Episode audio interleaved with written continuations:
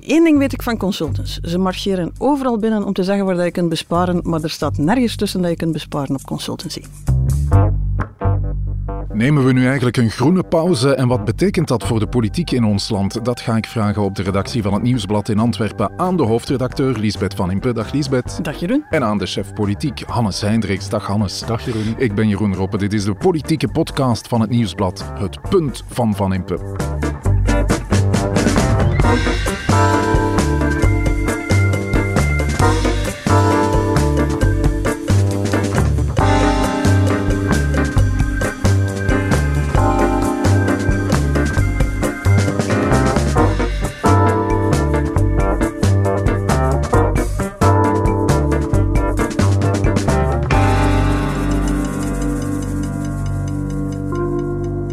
Ben het niet ver gaan zoeken deze keer. Eh, De wijn komt uit de buurt van Brussel. Ik was zondag namelijk in Assen. Jurgen heb ik daar ontmoet. Jurgen uit Assen. Jur As. En Snap je? plots klinkt het als iets Voilà. wat Frans klinkt, een We beetje raar drinken geschreven vandaag is. een Juras. eh, een Juras dus eh, uit Assen. Heel lekker, vind ik. Heel eh, geslaagd. Het is eh, een beetje een geuzesmaak. Schuimwijn met een geuzesmaak. Met broebeltjes, ja, inderdaad. Inderdaad. Ik wil straks graag jullie punt horen over de ruzie in de federale regering, want premier De Croo wil een groene pauze en daar zijn groenen en socialisten in zijn regering het niet mee eens. Hebben we een crisis? Wel, we hebben een crisis, toch zeker eh, in de communicatieve zin van het woord. Ja. Eh, er wordt heen en weer eh, gesneerd. De vraag is wat dat die crisis gaat opleveren, of dat de groenen effectief eh, gaan kunnen bijten. Voorlopig denk ik dat het bij blaffen blijft.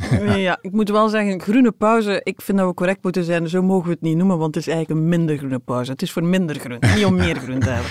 Ik wil eh, ook graag een punt over consultancy en beleid. En ik wil natuurlijk ook weten of ik naar Lille of naar Rijssel moet op een nieuw punt van Van Impe. Ik vraag om op de pauzeknop te drukken, maar niet voor CO2. Voor CO2 moeten we die volledige ambitie behouden.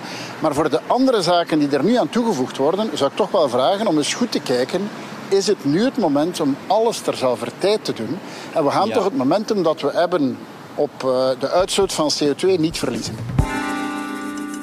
Eerste minister Alexander De Croo was live op tv toen hij vertelde dat hij voorlopig liever geen Europese natuurherstelwet wil zien in ons land. De natuurherstelwet maakt deel uit van de Europese Green Deal en bedoeling is tegen 2030 de biodiversiteit te herstellen in toch een pak van onze ruimte die we hier hebben, hè, groene ruimte die we hebben. Is dat zo ambitieus, Lisbeth? Dat heeft een grote impact. Daar kan je niet naast kijken. Dan zit je naar discussies die vergelijkbaar zijn zoals we met stikstof gehad hebben. Hè, waarbij dat je dus probeert een nieuw evenwicht te vinden tussen natuur, transport, wonen, industrie, noem maar op. En dat riskeert natuurlijk weer eh, nieuwe regels en beperkingen op te leggen. Zeker, dat weten we al, in dichtbevolkte, hoogindustriële gebieden zoals, zoals Vlaanderen, Ja. Nederland.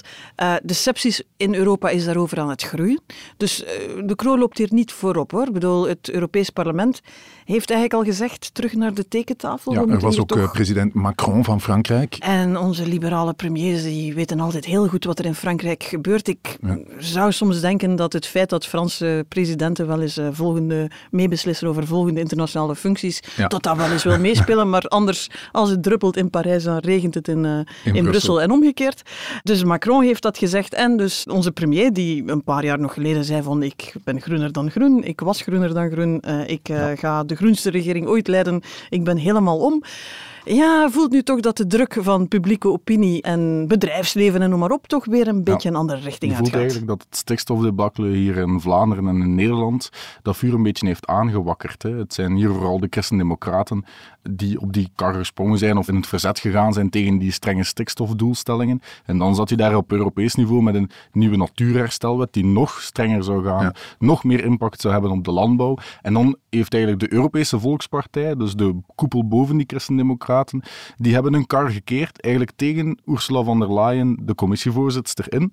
En dus ook tegen Frans Timmermans in. En, en die spreken vanuit die bezorgdheid hè, van we gaan dit op in de staan, aan, bij de stembeschouwen dit betalen. We hebben het hier in deze podcast al gehad over dat zowel die Mier daar ook al haar omslagje gemaakt heeft. Ooit geloofde ze heel hard in we moeten die stikstof naar beneden krijgen. Als je haar vandaag bezig hoort, is het van ja, ik moest dat van Europa en ik weet niet of dat ik dat nog eens wil doen. Uh, dus ook daar is, is de koerswijziging ingezet. Het is niet zo gek dat liberalen ook volgen, want er leeft veel bezorgdheid bij ondernemers, bij industrie, over wat de impact zal zijn naast klimaat. En dus dat is een beetje de truc die Alexander de Croo uithaalt. Hij zegt, ja, we moeten voluit gaan voor dat klimaat. Ja, hij koppelt eigenlijk twee zaken uh, van elkaar. Hè? Ja, we moeten voluit gaan voor klimaat en we mogen die kar niet overladen. Dus nog eens daar allerlei natuurdingen gaan bij kletsen, ja, dan riskeren we ons Biodiversiteit en klimaatstrijd, dat zijn uh, voor hem twee verschillende dingen eigenlijk is die boodschap in Duitsland gaan geven. Ik moet zeggen, we hadden die speech, dat was een dag eerder, we hadden die speech zien passeren. We dachten, hm, dat is wel opmerkelijk.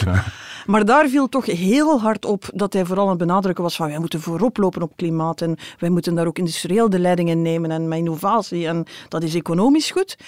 Ik had een beetje de indruk toen ik hem daar plots als een pop-up zag opduiken uh, in ter zake, wat toch niet de normale manier is voor een premier om nieuw beleid aan te kondigen. Er is een debat tussen zowel Demir en Kathleen van Bremt, Vlaams minister, Europees parlementslid, tegen elkaar in de studio. En plots, we gaan even live naar de wedstrijd 16, waar de premier staat met een boodschap. Het is niet zo dat er hem een micro onder de neus is geschoven voor een, eh, een, een quote die ontlokt is. Het, is echt, het was bijna een persconferentie. Ja, hij was uit zijn kantoor gekomen. Hij was ervoor gaan om eens te zeggen van wat dat er jullie in die speech misschien niet opgevallen is. Maar het ging niet alleen over dat ik vind dat we heel hard voor klimaat moeten gaan. Ik vind ook dat we wat minder op natuur moeten doen. Het was alsof dat hij dat toch wel iets harder wilde onderlijnen. En ja, dan, dat is ongeveer het, het, de, de kortste weg naar, uh, naar boel in de regering. Hè. Groenen en socialisten wisten niet wat ze hoorden, want uh, De Croo sprak niet uit naam van de regering, dat is duidelijk. Wel ja, inderdaad, hè, die Groenen en socialisten zitten federaal mee in die regering, Vlaams niet. De Vlaamse regering is tegen die natuurherstelwet, dus daar hebben de Groenen heel fel oppositie gevoerd en nu worden ze geconfronteerd met hun eigen premier van hun eigen regering, die eigenlijk exact hetzelfde zegt als die Vlaamse regering, als Waldemir. Um, dus ja, het is helemaal niet verwonderlijk dat die groenen nu in een kramp schieten en zeggen, ja, wat, wat zit die premier daar te zeggen? Je zou zelfs kunnen denken dat het de bedoeling was van Alexander de Croo om een beetje stennis te maken binnen zijn regering. Allee, laten we het veilig interpreteren. Um, van alle partners die je kwaad kan maken, zit de Croo toch precies het minst in met groenen die kwaad zijn. Nu, je kan dat voor een stuk begrijpen. Groenen stellen zich altijd loyaal op, ook nu. Hè. Ik bedoel, er komt een heel hard bericht van uh, Jong Groen. Uh, die mogen zeggen dat dit, allee, dat dit schandalig is en, en dat, dat ze eigenlijk misschien al lang uit deze regering zouden gestapt zijn en, en noem maar op ga één echelon hoger en het wordt al... Ze zijn kwaad, hè, maar ja, de regering opblazen, dat gaan ze toch niet doen. Er moeten er toch een paar in die partij intussen een heel slechte flashback hebben naar zo begin jaren 2000. Ja, want het deed een beetje denken aan de vorige passage van de Groenen in de federale regering. En de Vlaamse regering, en daar zaten ze toen ook met de liberalen, en daar zijn ze in het laatste jaar van die, van die legislatuur, zeker ook in die Vlaamse regering, dat ging toen over actieplannen en zo, helemaal doodgeknepen. Er circuleert weer een oud citaat van Herman de Croo, uh, die daar toen zo op zijn Herman de Kroos uh, zei van, uh, ja, die groenen, dat is een soort van paddenstoelpartij. Je kunt zo in een veld komen in een wei, dat kan vol paddenstoelen staan. Als je de volgende morgen komt, schiet er niks van over. Uh, dat was toen electoraal trouwens ook een verrassend accurate voorspelling voor wat er met de Groenen zou gebeuren. Nu zit je daar weer naar die kiesdrempel te kijken. Het gaat niet goed met die Groenen. Ze hebben een grote uh, trofee, die kernuitstap, al moeten opgeven. Nu ook nog gaan inbinden op Europees natuurbeleid. Ja, dat je vraagt wel bijzonder veel van die partij, om eerlijk te zijn. Ja, en je ze kunnen ook niet echt een, een vuist maken of iets, een, een tegengewicht in de schaal uh, werpen. Hè. Het is zo, mocht je dit doen met de PS bijvoorbeeld, ja, dan zeggen zij de dag erna, ja sorry, maar die pensioenhervorming die de liberalen graag willen, ja, die zal er niet komen. Hè.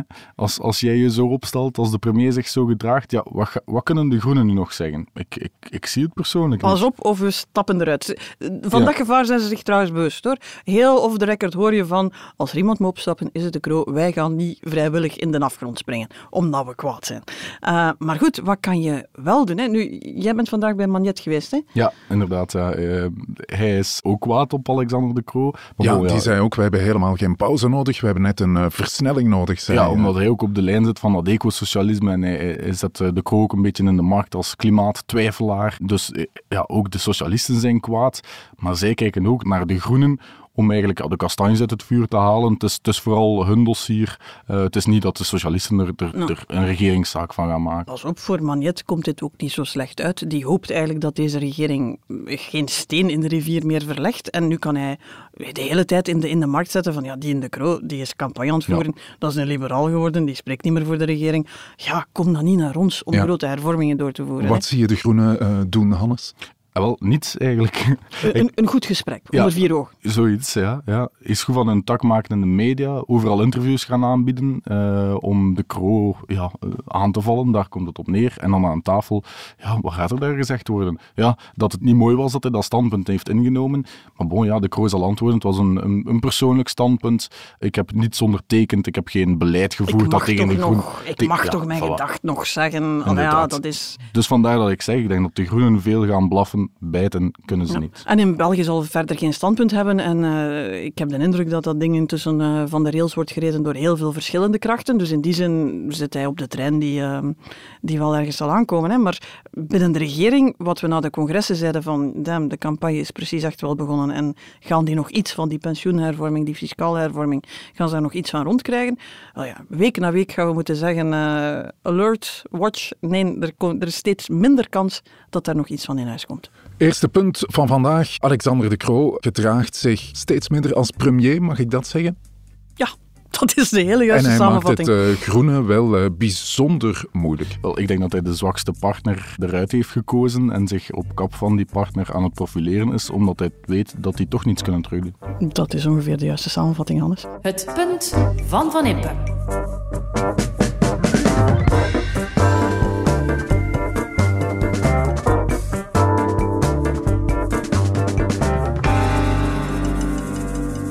Zou eventjes ehm, de helikopter willen oplaten naar de, ehm, de consultancy-uitgaven van onze hele Vlaamse regering deze legislatuur. Eh, er is een schriftelijke vraag gesteld door een van de collega's, waaruit blijkt dat voor de periode 2019 tot 31 maart 2023 1,5 miljard euro uitgegeven is aan consultancy-opdrachten binnen de Hanse Vlaamse overheid. Vlaams minister Hilde Krevits zegt hoeveel de Vlaamse regering deze legislatuur uitgaf aan consultants. Zij had het over anderhalf miljard euro. Maar ik heb ook al het bedrag van 650 miljoen eh, gehoord, Elisabeth. Wat is er nu eigenlijk? Verwarring troef en iedereen kwaad op iedereen. Dat is ongeveer de samenvatting. De federale regering maakt ruzie over de natuurherstelwet en de Vlaamse regering maakt ruzie over de consultancy Consultants. Consultants, dat zijn eh, mensen die advies geven en eh, daar kan je dan wat mee doen. advies geven aan beleidsmakers. Het zijn eh, bedrijven die daarin eh, gespecialiseerd zijn. En de reden dat we daar nu over bezig zijn, is omdat eh, Jo van Deurzen, die wij nog allemaal kennen als een voormalig Vlaams minister, voornamelijk op welzijn gezeten, die is na zijn politieke carrière gaan bijklussen als consultant.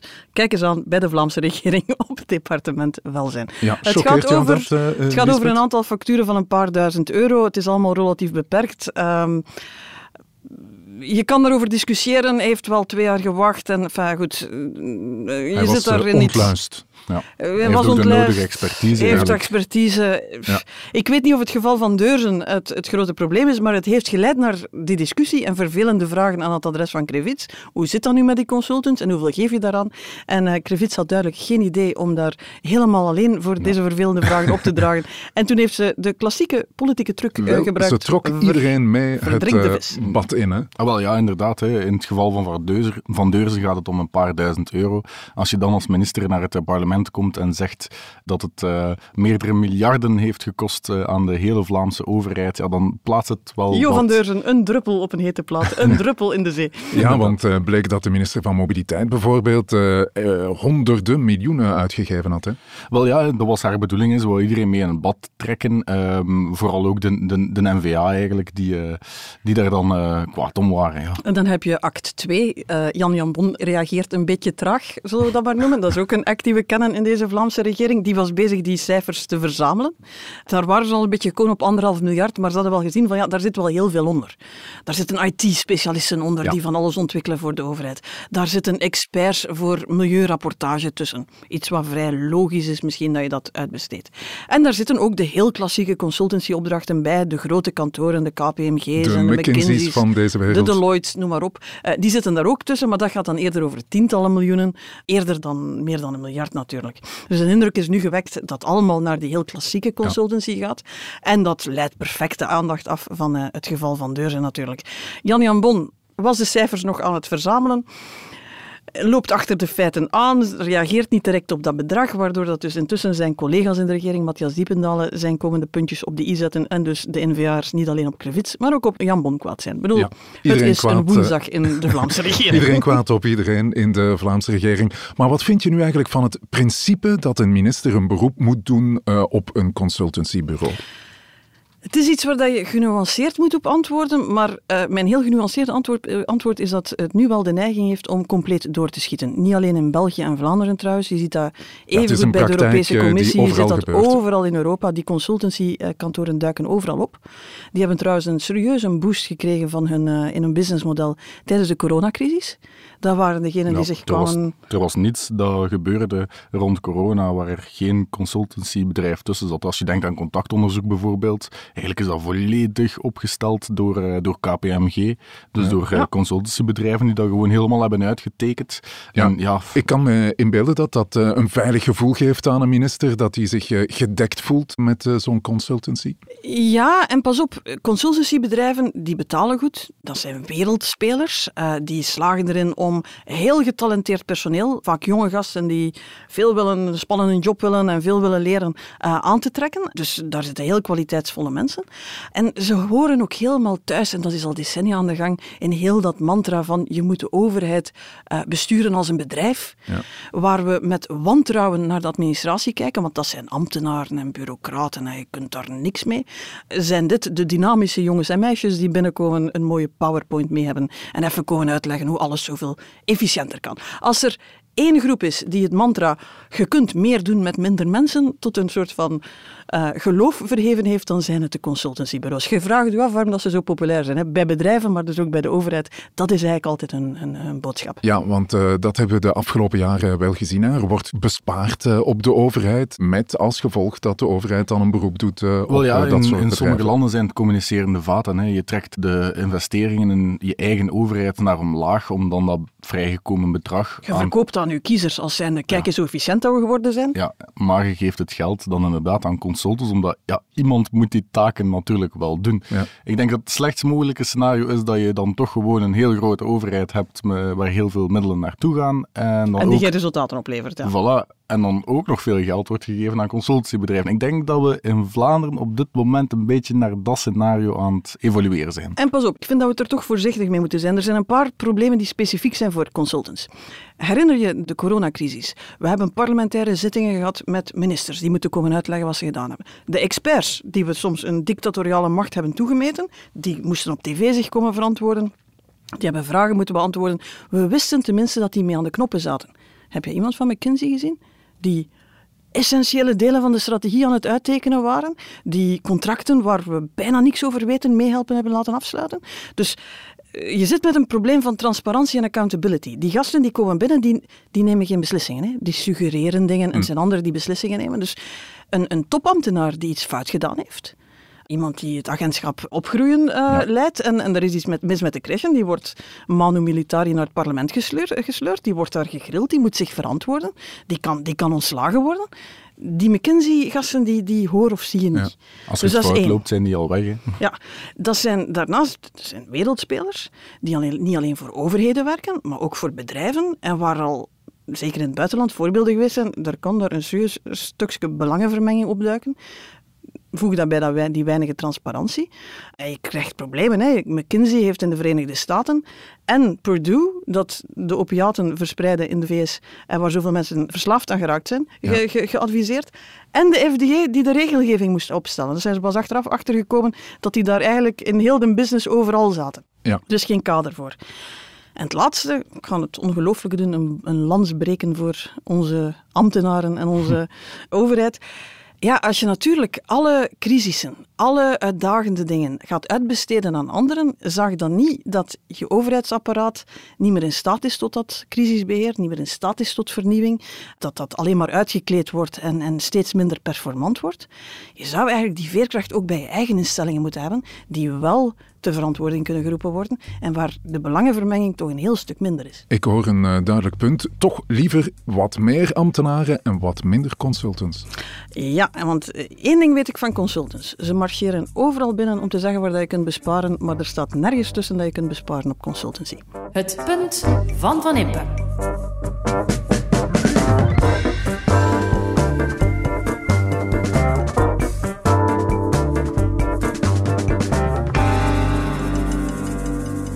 In principe zou men kunnen redeneren naar analogie voor locaties in het buitenland. Dat we zeggen van kijk, de Vlaamse naam staat voorop. En daarachter, tussen haakjes, in een ander of een cursief, eh, staat dan de naam van de bestemming. Ja, dat had uh, gekund, maar dat gebeurt uiteindelijk niet. Je hoorde minister Peters die de taalwet wil respecteren natuurlijk. Ook nu je op de Antwerpse ring een verkeersbord kan tegenkomen met daarop Liège. En dat is de Franse naam voor Luik. Het agentschap Wegen en Verkeer wou namelijk alle plaatsnamen op verkeersborden de taal van de plaatsnaam zelf geven. Rijssel zou dus ook in Vlaanderen Lille heten. En, in Wallonië zouden ze van Leuven weer gewoon Leuven maken en niet langer Louvain. Ere, ja, ere daar doen ze dat, hè? Het is uh, onze uh, goede collega Lise Smout die uh, in de file stond hier op de Antwerpse ring en het verkeersbord heeft opgemerkt, waardoor het besproken is op de ochtendvergadering van hé, hey, dat is toch wel opvallend. En een halve dag later heeft Lydia Peters bewezen dat ze krachtdadig kan ja. ingrijpen en is de hele boel omgedraaid. Inderdaad, dus Liège wordt gewoon weer Luik en Sint-Renelde wordt niet Lisbeth. Ik heb geen flauw benul. Saint. En uh, Zinnik, dat wordt uh, ook niet Hannes. Flauw idee. Soigny. Ik ben altijd al blij voilà. als ik Bren Lalleux en Bren Le Comte kan uiteenhouden.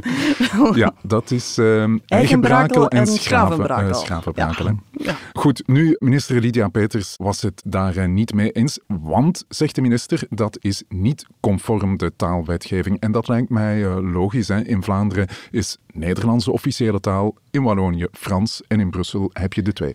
Wel ja, je zou je kunnen afvragen uh, wat de automobilist daar effectief aan heeft. Hè. Je zal maar buitenlandse truckchauffeur zijn. En je... die, zit, die zit op wees, denk ik. Ja, ah, niet dat hij de borden van Lydia Peters nodig heeft. Ik vind het wel eens interessant om zo een uh, autorit te doen zonder uh, Waze aan te zetten. Maar ja, gebruiksvriendelijk is het niet. We zouden het ook kunnen doen zoals in Brussel. Hè. Daar uh, staat alles in de twee talen op de borden. Ja, als het nu gaat over taalwetgeving, vind ik zoals in Brussel ja, een goede aanwijzing van, ja. van laten we het zo doen. Uh, ja, in, in Brussel heb je sommige voorbeelden, bijvoorbeeld de beurs.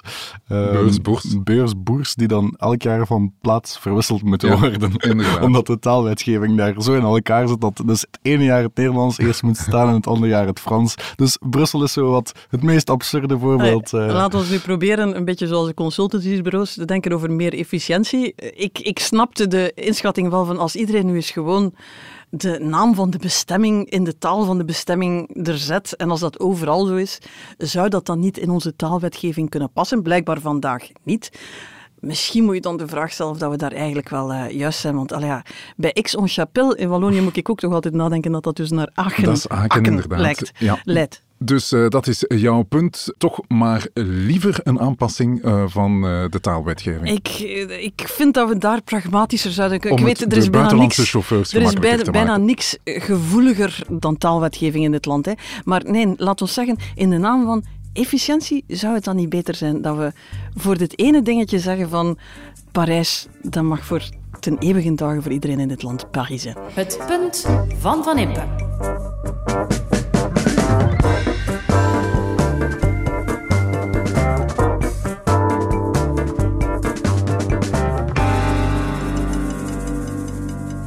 Dankjewel voor uh, de punten. Assen is Assen, waar je ook bent. Alleen de uitspraak verandert. Ja, maar ja, die As Juras, dat klinkt dan weer zo wat Frans. ja. Volgens mij kunnen die daar problemen mee krijgen. Ik vind hem geweldig. De Juras met lichte geuze toets. Er is nogthans geen lambiek aan toegevoegd. Uh, gisting gebeurde in de fles volgens de methode traditioneel. Vandaar de bubbels natuurlijk. Hè. Het is een bruut natuur.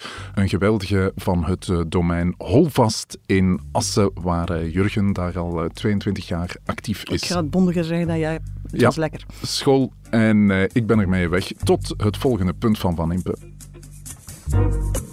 Dit was het Punt van Van Impe, een podcast van het Nieuwsblad. Je hoorde de stemmen van de hoofdredacteur Lisbeth Van Impe, van Hannes Hendricks, chef politiek, en van mezelf, Jeroen Roppe. Dank aan de VRT voor de audioquotes, aan eh, Pieter Schrevens voor de muziek en aan Pieter Santens van House of Media voor de montage. De productie was in handen van Joni Keimolen. Tot het volgende Punt van Van Impe.